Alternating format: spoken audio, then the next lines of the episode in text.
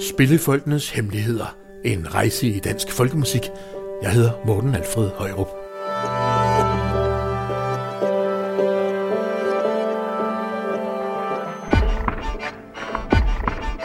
Hvor finder vores dages spillefolk deres repertoire af gamle traditionelle dansemelodier?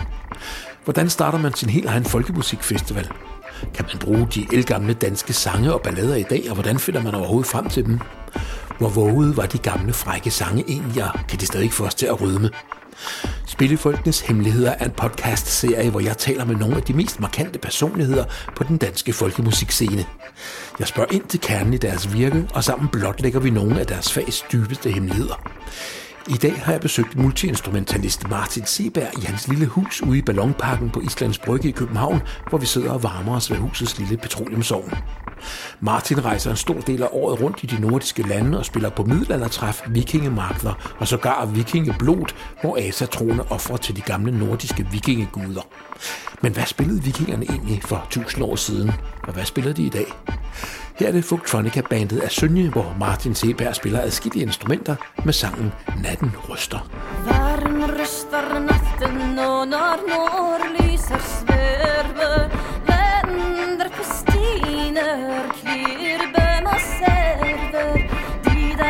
där vandra varsla onda jordiske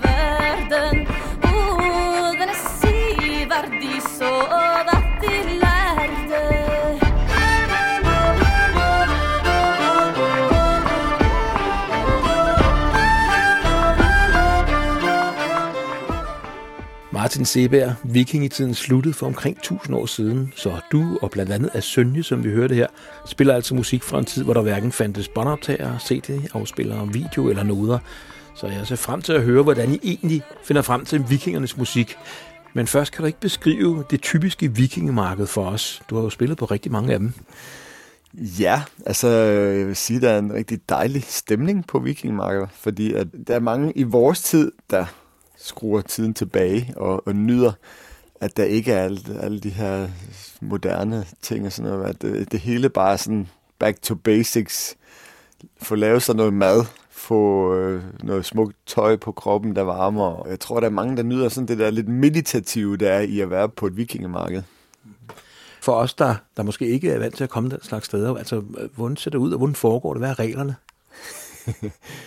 Jamen, jeg tror egentlig ikke, der er så frygtelig mange regler, andet end at, at, at bare være til. Altså, øh, og øh, nu gælder det jo ikke om at overleve lige så meget, som det gjorde dengang. øh, Og sådan jo. Men altså, forskellige folk, der er på markederne, har hver deres ting at gå op i. Og der er jo nogen, der står og smeder vikingevåben og smykker.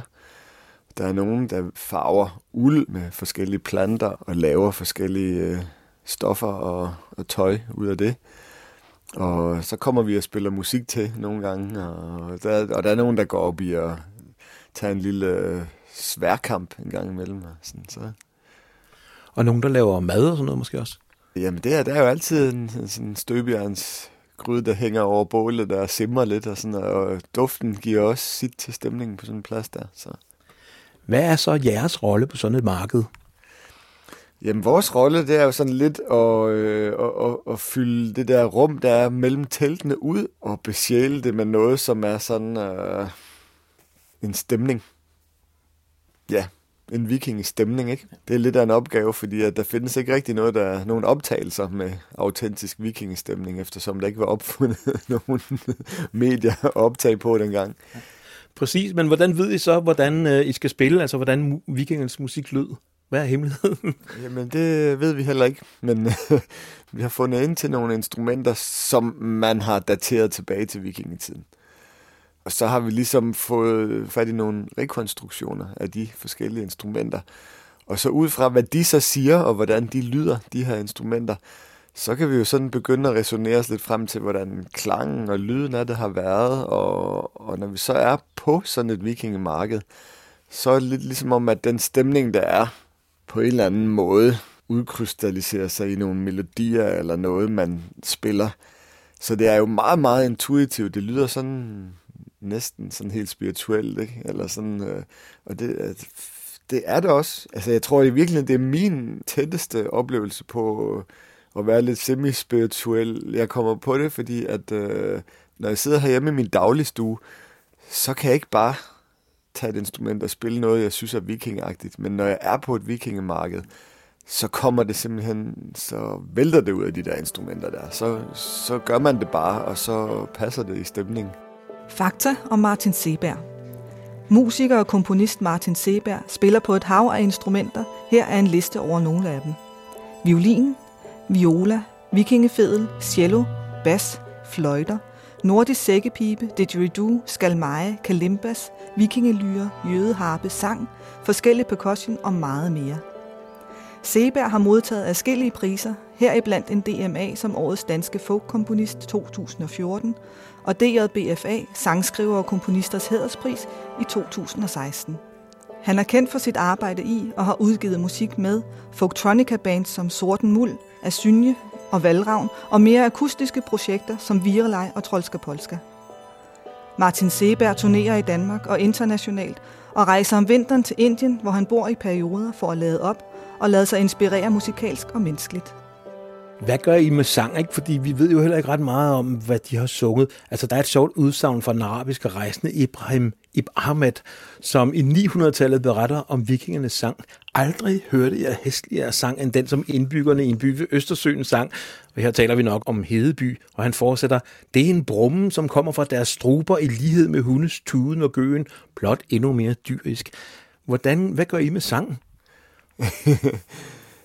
ja, Altså, øh, man har jo fundet nogle sange, som er nedskrevet, hvor der er sådan nogle runer, der indgår i teksten og sådan noget, så man kan næsten resonere, at de har nok rødder længere tid tilbage end middelalderen, siden der også er runer i dem og, og forskellige ting, men man ved jo ikke, hvor lang tid tilbage den mundtlige overlevering går. Man ved, hvornår det er nedskrevet, men øh, Derfor kan det jo godt have opstået adskillige 100 år, før det blev nedskrevet og overlevet mundtligt. Rider, rider over slätten alfalandstor og dissen in hyler klippe ej skoar Vores sangerinde i Asynje Nana, hun har, hun har været sådan en, der altid har gået øh, og tullet rundt for sig selv ude i en skov, og haft sådan, også den der meget intuitive tilgang til det. Hun har læst en masse ting fra vikingetiden, den der nordiske ætter. Og jeg ved ikke, om der har været ord i den, der har sådan været sådan en mellemting mellem dansk og færøsk og islandsk og norsk. Så hun har på en eller anden måde brygget sit helt eget urnordiske sprog sammen af alle de der forskellige ting, hun har læst og bare gået i sine egne tanker og sådan, ikke? Øh, og det synes jeg er et meget godt bud på, hvordan det kunne have lyttet i vikingetiden. Jeg synes i hvert fald, det lyder rigtig autentisk, den måde, hun synger på. Og sådan, så. Det kan jo godt være, Martin, at vi ikke helt præcis ved, hvordan vikingerne lød, og hvad de spillede for noget musik, men vi ved dog noget om, hvad for nogle instrumenter de spillede på. Ja, altså der er fundet øh, forskellige fløjter, og der er fundet øh, jødeharper, eller mundharper, som det måske rigtigst hedder. Og man har fundet en, en vikingelyre i Norge, som har sådan fem løse strenge, man bare spiller på. Og så det er sådan en slags lille harpe. Du har jo instrumenterne her. Kan vi ikke få lov at høre? Ja. Den har sådan nogle meget sprøde øh, strenge på her.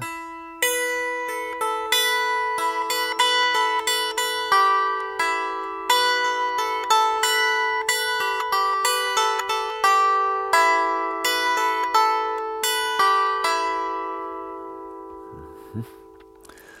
Så det er jo sådan en meget højtidelig, øh, næsten stemning, der kommer ud af det. Altså, jeg, jeg sad en gang og havde taget den her vikingelyr med op til Tømmerby Fjord, op ved Limfjorden, hvor der er sådan et, et vikingegravfelt. Og så var der en øh, meget, meget smuk solnedgang, hvor, hvor det bare sådan, hvor der kom sådan en helt fredfyldt lille tema ud af den der vikingelyr lige der, øh, som blev til sådan en vikingehymne måske en godnat vuggevise til børn, eller hvad de har brugt den der lyre til. Det... Og så er der jødeharpen, eller mundharpen, som du også siger. Ja. Og det er sådan en lille dims, man med, med en streng i, som man bare sætter ind på, på tænderne, og så bruger man sit kranium som resonansrum. Sådan siger...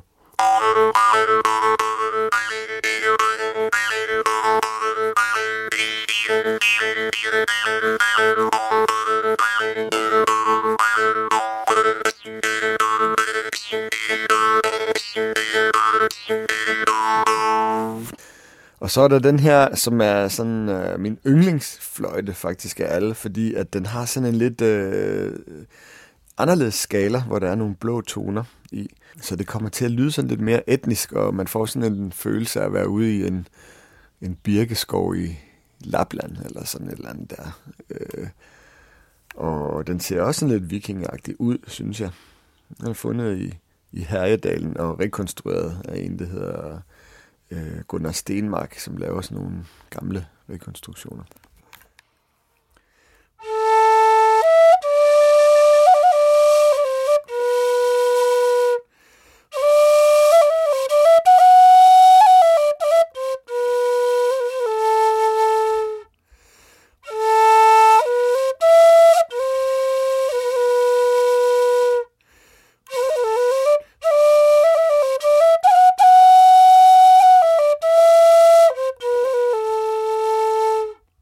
Og der er jo dømt øh, finske skove og ferskvandssøer og, øh, og helletusser og det hele med det samme.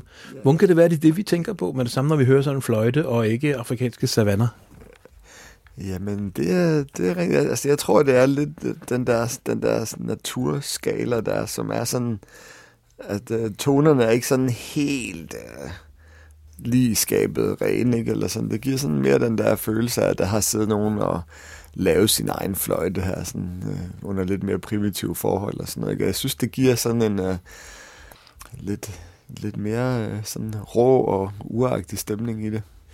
Det er på en forunderlig vis endt med, at øh, ud af alle de der 300 forskellige fløjter, jeg cirka ligger inde med, der er det den her vikingefløjte her, som er yndlingsfløjten.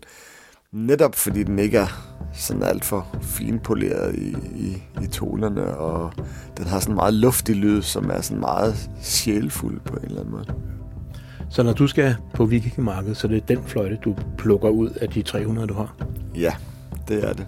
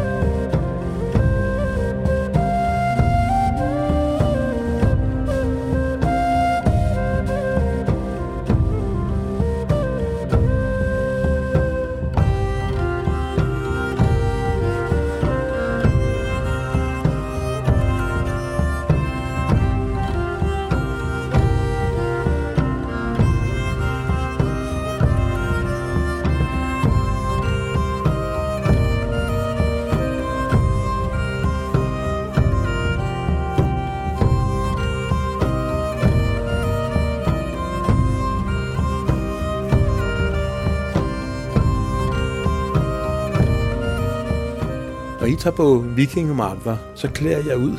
Eller rettere, det er måske forkert formuleret, fordi i virkeligheden så tager I noget tøj på, som er med til at formidle illusionen og, og lejen, kunne man sige. Hvor vigtigt er det? Jamen altså, øh, vi er jo hyret ind til at komme og repræsentere alt det der autentiske viking noget, så selvfølgelig ville det se lidt fjollet ud, hvis vi rendte rundt i moderne tøj, samtidig med at vi spillede på autentiske instrumenter. Så det hører med. Det er meget fint, at der ligesom er mange forskellige elementer, der er med til at skabe det der stemning, der er omkring vikingetiden. Så selvfølgelig vil vi gerne være med til det også, og, og være en del af det. Det er jo en, en oplevelse for de mennesker, der kommer ind udefra, som består af mange forskellige sansindtryk. Så den skal ikke have for lidt, jo. Så det er en af jeres funktioner, det er at være med til ligesom at skabe hele stemningen der, ikke? Hvad er jeres funktion så, når vi snakker vikingeblod? Altså når I, når I er ude i det der, hvor der vist nok er en lille smule mere religion i det, eller hvordan? Jamen altså, vi har ikke sådan et personligt forhold til det der med at, at blote og ofre ting til guderne og sådan noget der. Altså, der, der må vi sige, det blander vi os som regel ikke så meget i, andet end at vi gerne stiller op og spiller noget musik til det. Så, øh, og jeg tror, jeg tror da egentlig, at, at musik også har været en del af ritualerne. Altså, det kan jeg ikke forestille mig andet det er musikken i det, der er vores funktion, og så er der som regel en høvding eller nogen, der har nogle, nogle statements, der skal falde der, ikke? Så jeres funktion, når, når de asatroende laver deres blod, er måske næsten ligesom hvis I havde været på et vikingmarked. I er med til at skabe en vikingestemning, og det er det samme, I gør, når I er til blod. Ja, det er det faktisk. Vi er ikke selv sådan ind af et asatroende på den måde, men det er, det er meget sjovt at, at være med til de her ritualer, hvor man sådan hylder de nordiske guder og lige visualiserer på øh, de gode øh, ønsker for høsten i den kommende sæson, og der lige bliver offret lidt mjød til, til guderne derinde, man selv drikker videre fra mjødhornet og sådan. Når I nu rejser rundt, som I jo gør, i hele Norden til, til vikingemarkeder af den her type, Øh, hvad er så det sjoveste? Jamen det sjoveste, det er at være sådan lige midt i hele det der scenarie, hvor der udspiller sig alt muligt rundt omkring en. Ikke? Altså, øh, på Mosgård, der bliver jo festet igennem om natten, sådan, når, når markedet så lukker så kommer alle krigerne ind der og bare øh, går til den med deres mjødhorn der og danser på bordene. Og, og som musiker, der er man jo lige midt i den der fest. Sådan, lig, ligesom vi plejer at være alle andre steder, hvor vi også er, ikke? Men en vikingefest, det er sådan en etnisk oplevelse, sådan lidt for sig selv også, med, med hele den stemning der omkring det. Og, og den var jo som regel helt til om morgenen, hvor når man sådan øh, er sådan lidt groggy der om morgenen, så kan man gå ned til stranden, for eksempel ved Moskov, hvor, hvor de første vikinger der, de er ude og bade nøgne der om morgenen, og sådan og og bålene stadigvæk står og simrer, og sådan og blander sig med havgusen, der kommer ind nogle gange. Ikke? Så det er meget, meget stemningsfuldt at være en del af hele det der scenarie der. Og der, altså, der er masser af børn med os, der, der, der har fået vikingetøj på, og det er bare nuttet. Sådan nogle børn i vikingetøj, skal jeg hilse at sige. Og de løber jo også rundt og bare hygger sig helt vildt jo. Altså, det, jeg tror ikke, at der er nogen af de der børn, der egentlig overvejer, at de savner deres iPad, når de er på vikingemarked. Hvornår kan det så være træls? det kan det være, hvis der er øh, nogen, der har fået lidt for meget mjød og, og vælter ind i os med deres øh, svære lanser, mens vi sidder og spiller. øh, ej, det, nogle gange så, så kan stemningen godt blive sådan meget brodende i ude på natten. Nogle, nogle gange går vi lidt før i seng, end krigerne gør, fordi sådan, vi tænker, nu har den vist toppet her festen, eller sådan. Øh, Martin Seberg, helt kort, hvad er hemmeligheden ved at spille vikingemusik på vikingemarkeder, når man i virkeligheden ikke ved, hvordan vikingerne lød? Mm. Det handler om at finde frem til, hvordan man kan udtrykke den stemning, der er med de instrumenter, man lige har ved hånden. Og, øh, og det kommer sådan meget naturligt, når man sidder der midt i naturen og lydene, og sådan, når man sidder og tager det ind og mærker det hele, så, så kommer der sådan noget ud, som jeg vil mene er et ret autentisk bud på vikingmusik. Øh, og man kan i hvert fald ikke gøre det, når man sidder derhjemme, for det har jeg så prøvet flere gange, og der, der er ikke sket en skid, når man bare sidder i sin egen dagligstue hjemme. Men lige så snart man kommer ud der, hvor det sker, så er den der. Så jeg tror, at hemmeligheden må være, at man skal simpelthen ud og være der, hvor vikingetiden er, for, for at kunne mærke det ordentligt. Ikke?